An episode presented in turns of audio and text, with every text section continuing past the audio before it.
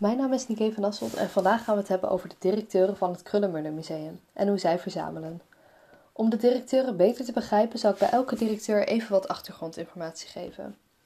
Helene Krullenmuller richtte het museum op en werd dan ook de eerste directeur. Ze kocht schilderijen, tekeningen, toegepaste kunst en beeldhouwkunst. Wel was haar collectie schilderijen en tekeningen eigenlijk veel groter dan de collectie beeldhouwwerken.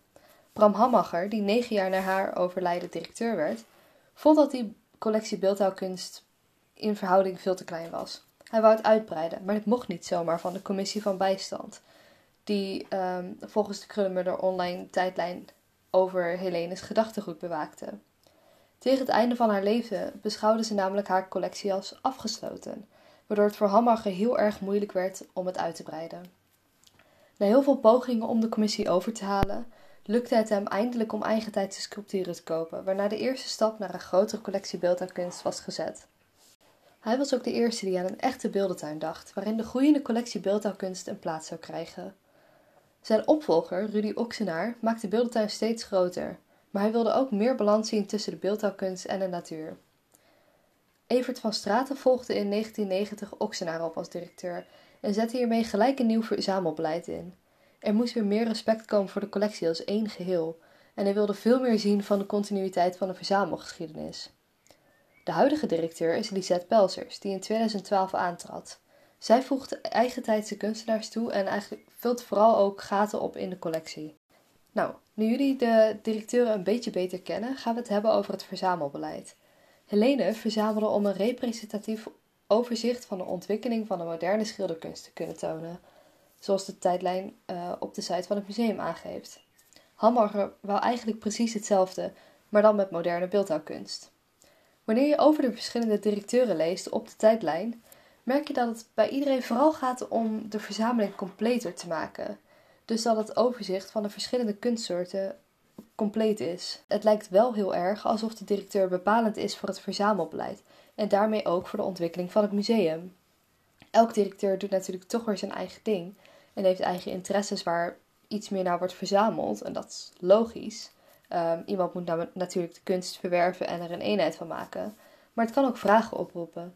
Als we namelijk kijken naar Atte Jong en we volgens hem allemaal dirigent van herinnering zijn uit zijn gelijknamige boek uh, uit 2001, dan bepalen we dus allemaal samen wat onze herinnering is, wat wij willen bewaren en wat we willen onthouden. En dan is het verzamelbeleid op deze manier misschien niet helemaal oké, omdat de publieke instellingen eigenlijk privé verzamelen zonder enige vorm van inspraak van de gewone burgers.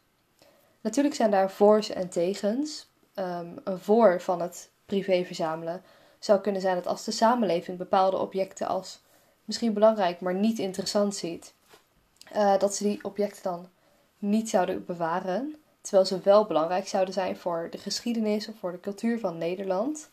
Als de samenleving hen niet belangrijk genoeg vindt, moeten we het dan wel bewaren? Dat zijn zeer veel vragen die we kunnen stellen, waar niet één antwoord over is te geven, um, maar we wel over na kunnen denken. Ook Laura Jane Smith heeft het over het verzamelen in de term Authorized Heritage Discourse, die ze beschrijft in All Heritage is Intangible uit 2011. Volgens Smith bepaalt de samenleving niet wat het museum verzamelt, maar zijn het vaak oude, witte mannen achter gesloten deuren. Te vaak. Nu gaat het verhaal gelukkig niet helemaal op in het Krullenmuller Museum dat het alleen maar oude witte mannen zijn. Omdat uh, er natuurlijk ook twee vrouwelijke directeuren zijn geweest. Uh, wel zijn de meeste hogere mensen wit. Het is niet het enige kritiek dat Smith heeft. Want de meeste musea verzamelen volgens haar slechts esthetische of oude objecten. In het Krullenmuller Museum zijn prachtige en oude werken te vinden. Maar bij recentere werken ligt steeds vaker de nadruk op het uh, persoonlijke of maatschappelijke verhaal. Dus ook dat wordt nu beter gedeeld dan alleen maar het mooie of alleen maar het oude. Um, Smith is nog niet klaar. Ze geeft namelijk ook aan dat objecten voor toekomstige generaties worden bewaard, waardoor uh, de hedendaagse generaties helemaal niet actief gebruik kunnen maken van het erfgoed. Op die manier kun je dan denken: wordt het erfgoed wel gebruikt? Uh, Krullenmuller Museum die bewaart bijvoorbeeld ook die objecten op die manier om het langer te bewaren dan één generatie. Is dat dan per, per se fout, die manier van verzamelen? Is het fout als het statisch wordt? Is statisch zijn überhaupt slecht? Is het goed? Het zijn heel veel vragen. Nogmaals, niet één antwoord.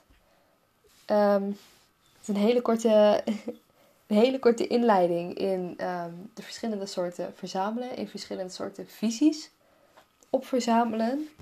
Ehm, ik hoop dat jullie ervan hebben genoten. Uh, wie weet, tot de volgende keer.